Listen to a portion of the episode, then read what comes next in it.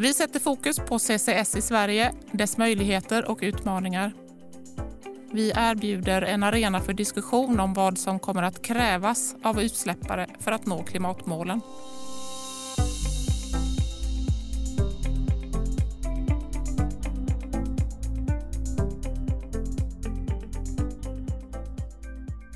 Välkommen till CCS-panelen.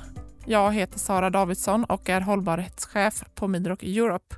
I den här podden pratar jag med personer i olika branscher om möjligheterna med infångning och lagring av koldioxid. Idag gästas jag av Carolina Norbäck från Klimpo. Välkommen Carolina! Tack Sara! Jättekul att vara här. Du, vad gör Klimpo? Ja, men Klimpo är ett forum för klimatpositivt och kolsänkor. Jag tänker här möts influencers, politiker och även experter Eh, att man är spindeln i nätet kring de här frågorna. Eh, vi har olika nätverk, bland annat Klimatkvinnor, där du och jag är med. Jajamensan. Eh, och eh, även nätverk inom BioCCS, BEX eh, och biokol. Och det som är min roll är ju att skapa bättre förutsättningar och villkor för klimatpositivt och kolsänkor. Men även vara en influencer och se till att, ja, att vi är fler som eh, håller, sysslar med de här olika delarna för att eh, Sverige ska ju bli klimatpositivt år 2045. Och eh, Klimpo, det antyder ju klimatpositivt. Vad är då klimatpositivt? Vad innebär det, Carolina? Klimatpositivt det innebär att man tar upp mer koldioxid eller växthusgaser än vad man ger upphov till. Eh, och sen kolsänkor, då, det är de som gör det här möjligt. Mm. Och eh, idag har ju jag bjudit in dig därför att du och jag ska prata om just kolsänkor. Och det är temat för det här avsnittet. En, eh, en eh, listning helt enkelt. Då. Men när man säger kolsänka, vad menar vi då? Och vilka olika metoder finns det? Så att eh, du och jag ska hjälpas åt och vi ska hjälpa lyssnarna att gå igenom de här och förklara vad det går ut på. Absolut. Jag tycker vi börjar där med växter. Växter tar ju upp koldioxid från atmosfären genom fotosyntesen. Det lär vi oss ju tidigt. Ja, just det. Eh, och när organiskt material då, som träd och växter bryts ner så återgår då det bundna kolet till atmosfären. Och genom att öka inbindningen då av kol eller koldioxid då, eller minska avgången så ges då en ökad kolsänka. Eh, och då kan man tänka på den här plantera träd eller växter. Eh, jag tänkte på en sak så här, lite eh, lite så här, visste du att, Sara? som jag har förberett här. Nej, men, eh, uppskattningsvis så växer eh, tre biljoner träd på jorden idag. Det har ett universitet i Zürich, Zürich tekniska universitet tagit reda på genom att samla in en massa information. Och de påstår i alla fall att eh, det ryms 1,2 biljoner nya träd utanför de områden som används till bostäder och jordbruk. Så det är, det är ganska mycket ändå. Det är typ 25 procent mer eller 30 procent mer som ja, vi skulle precis. kunna plantera. Ja, men precis. Eh, och sen när man, när, lä, när, man läser vidare om det här, då kommer man till den här eh, albedoeffekten. Den får man ju också hoppas att de ändå har tagit hänsyn till. Eh, och det betyder när man har stora vita snötäckta ytor, de här reflekterar ju också tillbaka solljuset ut i rymden. Så man, att man inte tar i anspråk den här marken, för de har, den har ju också en funktion. Just det.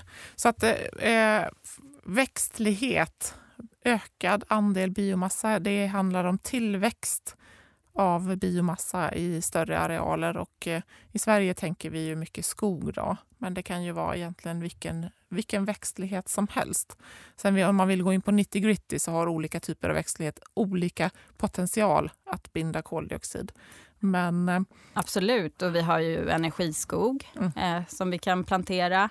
Eh, vi har ju också sån här liksom nedlagd betesmark eller jordbruksmark. Eh, de arealerna finns ju i Sverige eh, som man absolut skulle kunna göra någonting med. Sen kanske det blir naturlig beskogning eller att man, ja, man aktivt planterar på de här markerna. Mm. Och den är ju, just det här med plantera träd, det är någonting som vi alla kan göra. Plantera växter och eh, bidra till fotosyntesen och eh, växtligheten som kolsänka. Begränsningen här, Carolina, det är ju naturligtvis att vi vill ju kunna använda jorden, jordytan till andra saker också. Eh, Precis. Så att det finns liksom, vi, kommer, vi kommer till den här frågan om att det blir en konkurrens om ytan. Mm. Ja, men absolut. Eh, men det jag också tänker på kring det här, det är absolut en konkurrens eh, om ytan.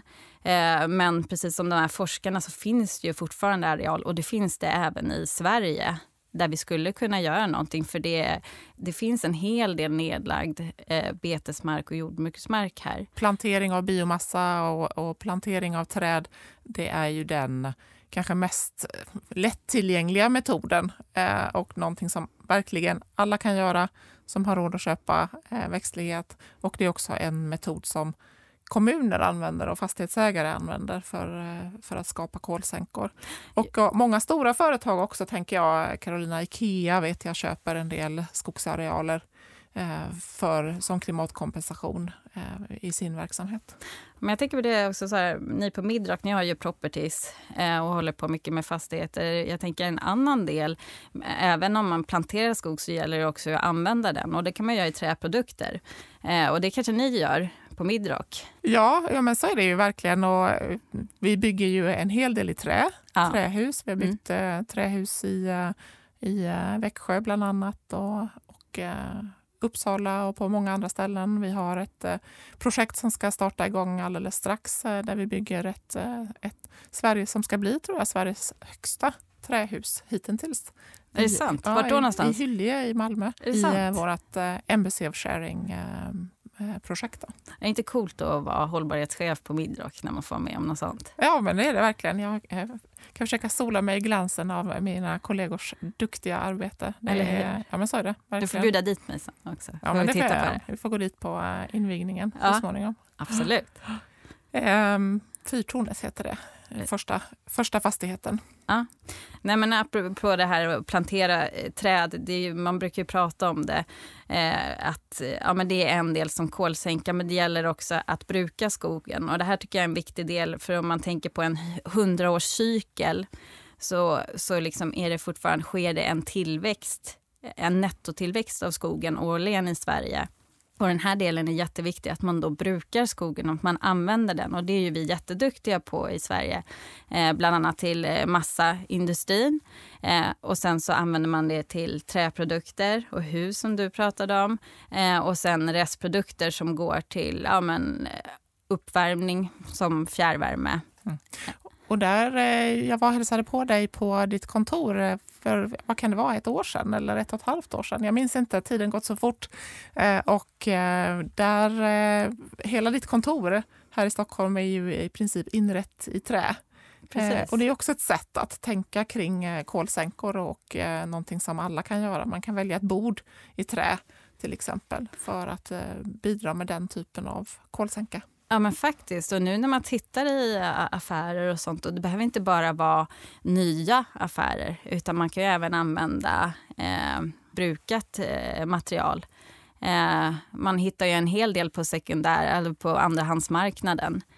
Eh, och det kan ju vara riktigt coola saker också och unika. Så det är ju supertoppen och roligt att liksom hålla på med den delen också och inreda kontor. För det är ju kul om de är unika och att man ser att liksom, ja, men här har, man, har någon använt som även jag kan använda. Och det var lite det vi pratade om, kommer du ihåg det? Med, eller vi pratade om det igår med energi eller klimattips. Mm. Eh, och då pratade vi om det att man ska man ska ta vara på det man har. Ja, precis. Att eh, inte hålla på att köpa nytt utan att, eh, att vårda det man har köpt faktiskt. Och också att köpa tjänster istället för produkter. Precis. Carolina, vi går vidare på listan. Ja. Havet, det är faktiskt min favorit. Jag är ju eh, miljö och vatteningenjör i grunden och eh, älskar havet och kemin och eh, fysiken i havet. Eh, havet, visste du det Carolina? Right back at you. Havet innehåller faktiskt mest kol eh, på, på det här jordklotet eh, sen marken. Och eh, marken innehåller tre gånger mer kol än atmosfären men havet innehåller faktiskt mest kol. Absolut. Eh, Eh, eh, jag, visste, jag visste att det innehåller mest kol. Men det jag tänkte på där, Sara, eh, det är ju en del kring ja, men, acceptans och havet binder in kol och nu när man håller på med ja, avskiljning av koldioxid eh, och vad som händer när man lagrar det. Så, är det en, så läste jag en artikel för några dagar sedan om Henrys lag mm -hmm. och balansen där. Eh, kolbalansen, att det skulle påverka eh, upptaget av kol i havet. Man uppnår ju en mättnad så småningom, eh, även om det kan tyckas oändligt. Eh, men det uppstår ju också en försurning eh, under mättnadens gång av havet eftersom den kolen som binds in i havet blir kolsyra. Precis. Jag tänker mycket på det. Allting är ju jämvikt. Det gäller ju jorden också. Är det för mycket syre i atmosfären, då börjar det brinna. Ja, precis. så det kan man också tänka ja. på havet. Eh, men jag tycker det är en viktig del, precis det du sa kring havet och koldioxidlagring. Ja. Nästa på listan av de naturliga processerna är kemisk vittring. Och eh, det handlar helt enkelt om att när eh, mineral vittnar, det vill säga löses upp, så binds koldioxid in. Och eh, genom att påskynda den här processen då, så skulle vi kunna eh, påverka då till att koldioxid binds in och mer koldioxid binds in. Man kan också tänka på till exempel finkrossad rivningsbetong. Eh, som, när den exponeras för luft så kan den långsiktigt binda in eh, koldioxid eh, från atmosfären då, genom karbonatisering. Sen finns det även en till del, och den står i, i den här SOUn, eh, i klimatpolitiska vägvalsutredningens strategi där, att även slagg från avfallsförbränning eh, kan långsiktigt binda in en mindre mängd koldioxid, också genom karbonatisering. Så det är också ganska coolt. Det räknar man med 0,04 miljoner ton koldioxid per år. Ja. Och det är eh, ju någonting som man också kan använda för att binda in i eh, betong, eller hur? Eller hur? Ja, mm. absolut. Mm. För att eh, när cement härdar så binds ju också koldioxid in och det här är ju en, i och för sig då en cirkulär process eftersom koldioxid frigörs när kalkmineralet vid tillverkningen av cement, när, när man använder kalkmineralet vid tillverkning av cement. Och det här är någonting som, om man vill fördjupa sig i det, så rekommenderar jag att man lyssnar på avsnittet med Karin Komstedt Webb från Cementa det är eh, CCS-panelens avsnitt nummer tre. Och jag tänkte faktiskt att vi ska spela upp ett litet klipp från eh, det avsnittet. Det kommer här. Ambitionen är tydlig där att inom en kommande tioårsperiod så, så ska vi i princip ha blivit kvitt det kol vi använder i verksamheten. Sen så jobbar vi ju också med olika typer av restmaterial. Istället för att använda jungfrulig kalksten som vårt huvudsakliga råmaterial så tittar vi på att ta in andra typer av material. Exempelvis slaggar från stålindustrin som lämpar sig väldigt väl att till dels använda istället då för kalkstenen som råmaterial. Och det är också ett väldigt viktigt bidrag eh, både till att öka resurseffektiviteten i verksamheten men också för att få ner då klimatbelastningen av slutprodukten. Men vikten av CCS och vikten av koldioxidavskiljning från processen kommer vi inte ifrån. Och det, det grundar sig väldigt mycket på att vår kärnprocess handlar om att hetta upp kalksten och bilda cement. Och när vi hettar upp kalkstenen då frigörs också koldioxid från kalken. Och det är det som är våra processutsläpp. Och under en väldigt, väldigt lång tid framöver så kommer vi inte komma åt den, den typen av utsläpp.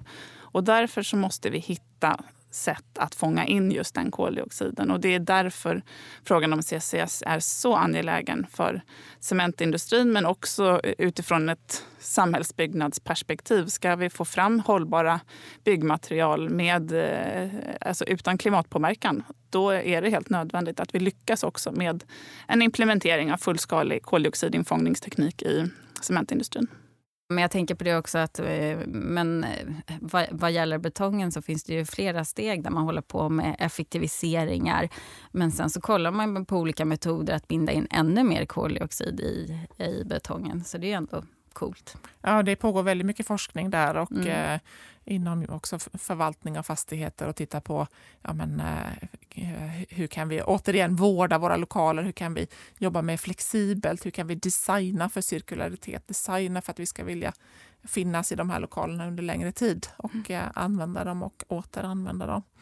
Okej, Carolina, har vi dammat av nu då topp tre på listan? Eh, växtlighet, satsa på biomassa, vi har nämnt havet, vi har varit inne på kemisk vittring och eh, kopplingen till eh, cement där också. Eh, känner vi oss eh, redo att eh, gå vidare? Ja, men det gör vi. Det är ju sjukt kul att prata med en annan ingenjör om det här faktiskt. Ja, ja precis. Nörda ner sig. Vi får ta ett specialavsnitt som vi släpper mitt i natten för de som vill liksom gå in på molekylnivå. Här, vi kan inte vänta. Eller hur? Ja. Vi bjuder in ännu fler. Ja.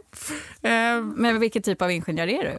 jag är miljö och vatteningenjör Jag från vet inte. Uppsala. Är det sant? Ja. Aha. Den eh, ingenjören som både kan prata med eh, biologen och med eh, cementaren. Coolt. Ja. Ja. Jag är mer den processdesignen. Just det, som får, får allting att hända när vi har pratat. Ja, precis. ja, nej, men jag gör kemiteknik i Lund faktiskt. Ja, jag är, jag, I'm in awe. Jag är, eh, kemiingenjörer är för mig ett speciellt släkte. Det är ni som får allting att hända. Ju. Ja, men det är bra. Ja.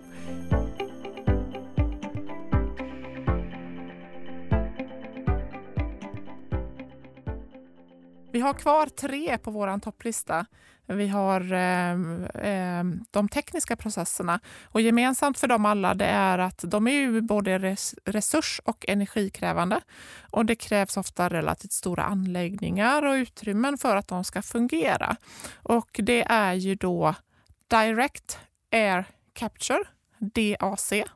Och det innebär att eh, koldioxid binds in från atmosfären med hjälp av kemiska reaktioner. Ja, men precis. Eh, ja, man fångar in eh, koldioxiden direkt från luften. Och eh, vad gäller direct air capture eh, så har jag blivit kontaktad av eh, vissa leverantörer som tillhandahåller direct air capture. Och där är det ju precis, frågan är ju liksom kostnaden per ton, ton avskild koldioxid.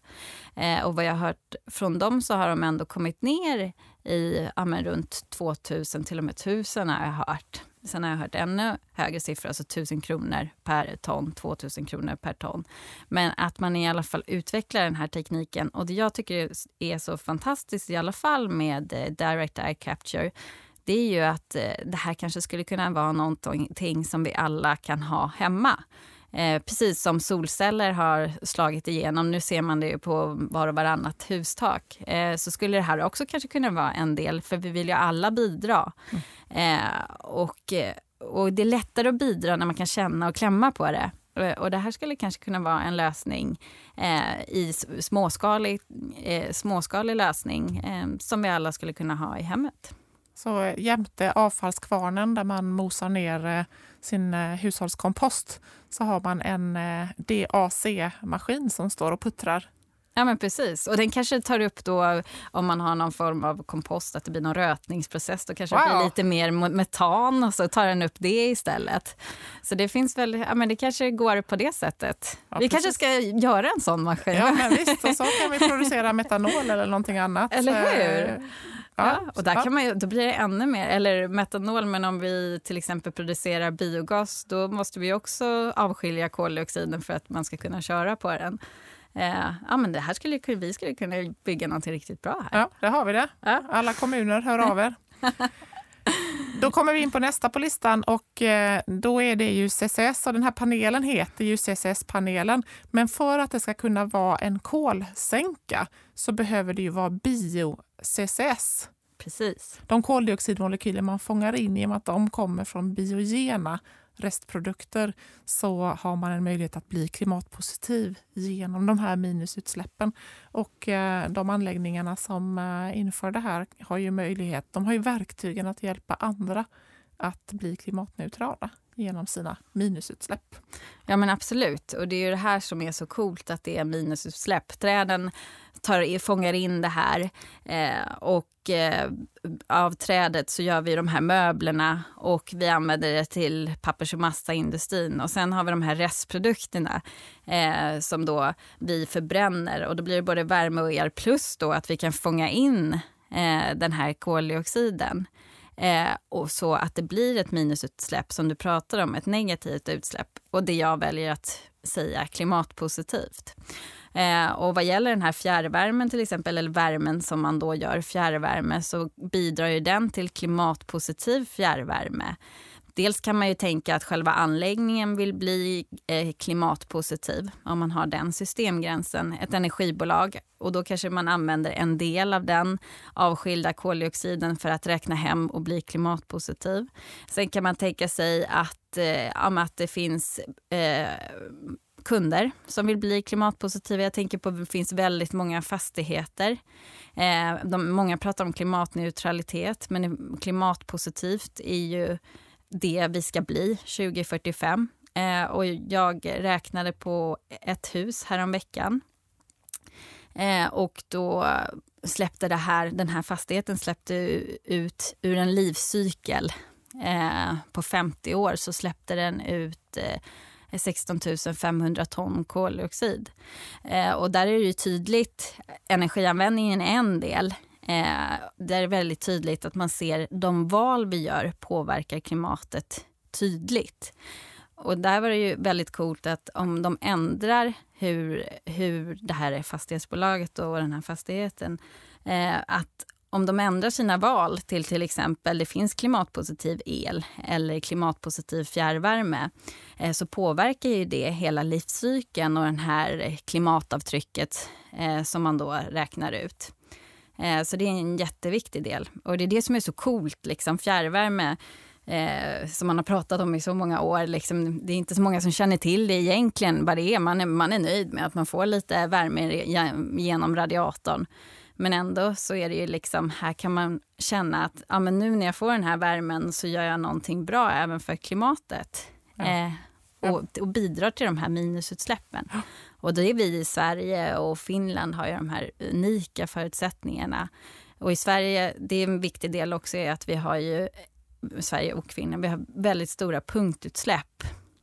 Och det gör ju att den här BEX-tekniken kommer att vara, ja men den blir ju billigast kan man ju säga. Eh, den bidrar ju till ett billigt sätt att avskilja koldioxid eh, eh, från ja, atmosfären genom att då avskilja den från rökgaserna.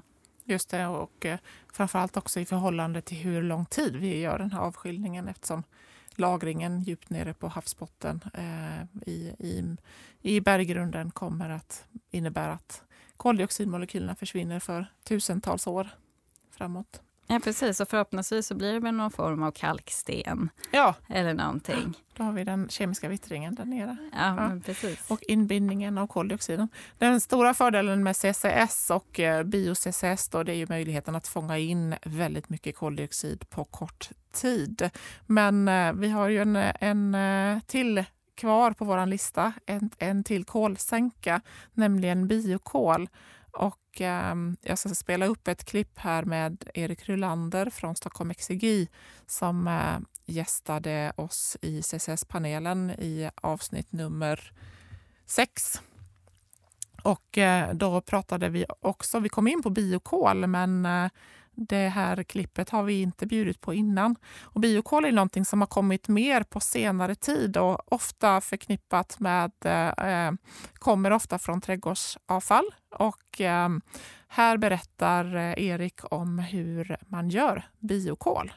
Till exempel biokol är någonting som har kommit mer på senare tid. Det är också någonting som Stockholm Exergi jobbar med.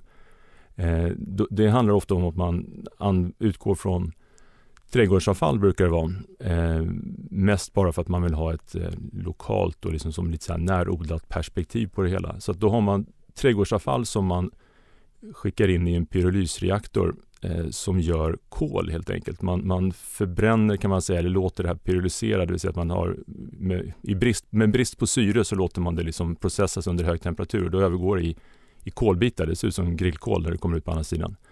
Det som har hänt då är att man har karboniserat det här biomassan till, att, till en struktur som håller kvar kolet på ett helt annat sätt. Eh, och det här har dessutom då, det här kolet har en egenskap av, som jordförbättringsmedel. Det, det är, om man blandar ut det här i jorden så kommer växterna att eh, växa mycket bättre, ungefär som gödsel, liksom, fast på ett annat sätt. Alltså det, det är något som förbättrar jordens bördighet samtidigt som det då binder kolet. Så att det här är, också, det, det är lite spännande för då får man liksom både den här kolsänkan, man får bort koldioxiden ur kretsloppet genom att den läggs ner i marken och kommer stanna där i hundratals år. Och man får dessutom någonting som innebär eh, en högre, ett högre utbyte på de här eh, åkrarna eller vad det nu kan vara för någonting där man använder det här kolet. Så att då har man ju fått en social aspekt på det hela också, att det har liksom förbättrat förutsättningarna för matproduktion samtidigt som vi har bundit kol och skickat ner i, i marken. Det finns ett begränsat antal, trots allt, anläggningar runt om på jordklotet där CCS-tekniken är tillämpbar. Men biokol är ju så mycket mer tillgängligt, både i, eh, när det gäller möjligheten att tillverka det på anläggningen Eh, men också den här sociala aspekten i eh, jordförbättringsegenskaperna och, och den eh, då, alltså cirkeln sluts på något sätt här också. Att vi har biokolen gör att vi får en ännu bättre potential till tillväxt av biomassa på de ställena där vi använder biokol. Ja, men precis. Och i utredningen, den här SOU 2024, Vägen till klimatpositivt Sverige, Eh, då bedömde man faktiskt att eh, kolinlagringen skulle kunna öka ytterligare upp till cirka en miljon ton koldioxid eh, per år om man inför ekonomiska incitament för att, eh, för att främja eh, biokol som kolsänka. Eh, och jag håller med dig, precis som när vi pratade om till exempel DAC, att det här är ju verkligen någonting man kan göra hemma. Eh, och bara, jag vet ju så här, Stockholms stad, det är ju typ de största biokolanvändarna eh, i Sverige. Ja. Eh. Och, och, Erik berättade just det här att, eh, för jag frågade honom men varför satsar ni på biokol? Och han sa att eh, det är så att många vill ha möjlighet att köpa en tilläggsprodukt och se till att man verkligen kommer ner på noll. Alltså att man har en neutral fjärrvärmeprodukt eller att man har en, en fastighet och vill åstadkomma en kolsänka och då kan man använda biokolen och den är lättillgänglig. Och jag frågade honom att ja, men kan, är det här någonting om jag vill gå och köpa en säck med biokol och eh, använda hemma i min trädgård. Kan jag göra det då? Och eh, då svarade han så här. Ja, men faktiskt. Det kan man göra på många, många ställen. Eh, så kan man köpa biokol. Sen är det lite olika hur de här biokolsprodukterna liksom är sammansatta så att säga. Ehm, vissa leverantörer, alltså biokolet i sig är ju det här jordförbättringsmedlet som jag eh, nämnde då, som gör att du växer bättre i din trädgård. Det är en anledning till att det finns kanske på granngården eller liknande eh, aktörer. Men eh, man får läsa lite noggrannare på, på förpackningssedeln ifall den också om, om själva kolsänkan följer med denna produkt. För det är lite olika. En del leverantörer väljer att sälja kolsänkan som uppstår när man tillverkar biokolet separat från själva kolbiten. Men att köpa biokolet är naturligtvis alltid någonting som stödjer att just den här processen kan fortgå så att man kolsänkan kan uppstå någonstans i värdekedjan även om man kanske inte får med den till med sin kolbit. Det är lite komplicerat det där men det är det är en väldigt eh, omogen marknad än så länge det här. Det, det, finns ju ingen marknad. Det är egentligen det som är för själva kolsänkan. Kolbitarna är lätt att förstå att man kan köpa, men den här kolsänkan är ju liksom frågan, är det någonting som den, den är lite svår att greppa för, för kanske vem som helst då, och även för de som jobbar med det, hur man liksom ska tänka på den eh, och förstå att man har liksom fått den. Och det är det som kanske liksom är lite utmaningen med det som jag är fokuserar på att jobba med. Att vi försöker liksom nu att skapa en marknad för att där man verkligen kan förstå liksom vad det är. Både att paketera de här kolsänkorna så att man förstår vad man får och också liksom göra dem tillgängliga så att man liksom kan vara med och bidra om man då vill. I första hand så kanske den här typen av affärsutveckling riktar sig mot stora företag och verksamheter som, som eh, har höga ambitioner att bidra till klimatet. Men, men i förlängningen så vill man ju också att det här ska vara tillgängligt för för eh, gemene man. alltså du kan ju göra relativt små anläggningar, eh, biokolanläggningar och restströmmar eh, vad gäller till exempel från jordbruk, det finns det ju en hel del om och det kan man ju tänka sig ute i Europa också, att det finns restströmmar där man skulle kunna göra den här biokolen. Eh, och dels då kan man ju använda den då som jordförbättringsmedel som du pratade om, men även att det är en kolsänka. Eh, men det gäller ju att den, den görs på rätt sätt. Det finns olika typer av biokol. Eh. Ja, precis så. Och, eh, det, det, är lite svårt att greppa det här för att även här behöver du så att säga verifiera din kolsänka. Du behöver veta att du har tillverkat biokolen på rätt sätt och så vidare. Men jag tänker Carolina, biokol, årets julklapp. 2023 då? Ja. Eller kanske redan nu? Ja, absolut. Eh, absolut årets julklapp. Jag tänkte på någonting kring årets julklapp, men jag får väl tänka ett tag till. Dels så kan man ju... Köpa eh, ett bord? Eh, man kan köpa ett bord, absolut. Och man kan ju köpa ett begagnat bord. Ja. Och då hade vi ju begagnade tröjan Just det. Eh, second hand-tröjan, den var ju årets julklapp. Men absolut så kan ju biokol bli årets julklapp. Eller varför inte en mosthavla eller en växt. Eller i och för sig så borde kanske påskharen, när jag tänker på det, så borde det vara påskharen som kommer med biokolsäcken. För det är himla tråkigt för de flesta i Sverige, eh, om vi nu ska få bukt på klimatproblematiken, eh, att få en säck biokol på julafton när det dröjer ett halvår innan man kan sätta spaden i backen. Ja, men precis. Men där kanske man ska ha den här eh, mini direct air capture-manicken. Nej. men men ja. kanske det, det finns ju liksom en marknad för koldioxid. Eh, och där kan man tänka, man kanske, alltså det går ju fortfarande inom EU ETS så har man ju utsläppshandel. Eh, det går ju att köpa ett ton koldioxid utsläppsrätter. Eh, så det skulle också kunna vara eh, årets julklapp. Ja, för er som eh, gillar eh, aktier så är ju det, eller tunna paket. Ja, ja absolut. Det är ju också en hel, det skulle vi också kunna prata om. Då kan man ta det digitalt så behöver man inte ens printa det på papper. Och ska man printa på papper så tryck ut det tvåsidigt. Ja, men precis. Ja, men jag tycker du är inne på någonting där, Carolina, just för när du och jag pratade om så här, men hur, ska vi, hur får vi det här att funka. då? Och eh, Det är återigen en stor drivkraft till att vi på Midrock gör den här podden. Att alla ska med. Vi behöver prata tvärsektoriellt. Vi kan inte stå och säga att min metod är bäst och min metod är bäst och vi gör så här och vi gör så här. Utan vi behöver liksom pröva de här olika metoderna tillsammans. Och, eh, Stora som små. Ja. Och, och alla ska få vara med. Eh, och det jag också tänker, det här är ju liksom unikt eh, att vi håller på med kolsänkor som i Sverige. Att vi i Norden kan verkligen bidra till alltså, världens Men vi har lösning. helt unika förutsättningar. Absolut, ja. och världens lösningar på klimatproblematiken. Att vi, vi har de här eh, punktutsläppen i Sverige och Finland, att vi har mycket skog mm. och sen att vi har lagringsmöjligheter i Norge och Danmark. Ja. Tillsammans så blir det ju hur häftigt som helst. Ja. Att vi verkligen kan vara en del av lösningen. Och att vi har en eh, ganska tung basindustri med punktutsläpp. Eh, vi har eh, skog och massa innovation och teknologier kring det. Eh, samtidigt som, för du brukar ju säga att det här är inte en fråga för energibranschen, det är inte en fråga för skogsindustrin, utan det är verkligen en fråga för hela samhället. Det är en fråga för samhället och precis som du sa, alla får vara med. Och de val vi gör, de påverkar klimatet. Och det är ju där det är så fantastiskt med de här kolsänkorna och att vi kan göra val eh, som är klimatpositiva. Ja, och alla de här metoderna behövs ju. De här olika metoderna som vi har pratat om här idag. Där är ju, du har nämnt det här klimatpolitiska vägvalsutredningen där ju du satt med i den eh, expertkommittén.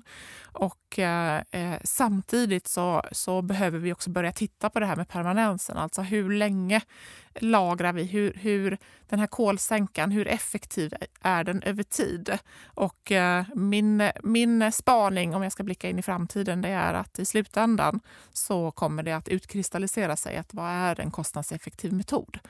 Eh, och då är det det som kommer att, att vinna mark mer och mer. Men samtidigt då så så eh, är ju kostnadseffektivitet och vad som funkar är ju också olika från plats till plats. Absolut, och det här måste ju Eh, vara liksom, eh, det måste ju vara en bra affär också, annars kommer vi ju ingenstans. Och därför är det jätteviktigt att man kollar på de här olika stödsystemen. Dels omvända aktioner, men även stöd eh, för alltså investeringsstöd att man bygger de här anläggningarna för att avskilja den här biogena koldioxiden.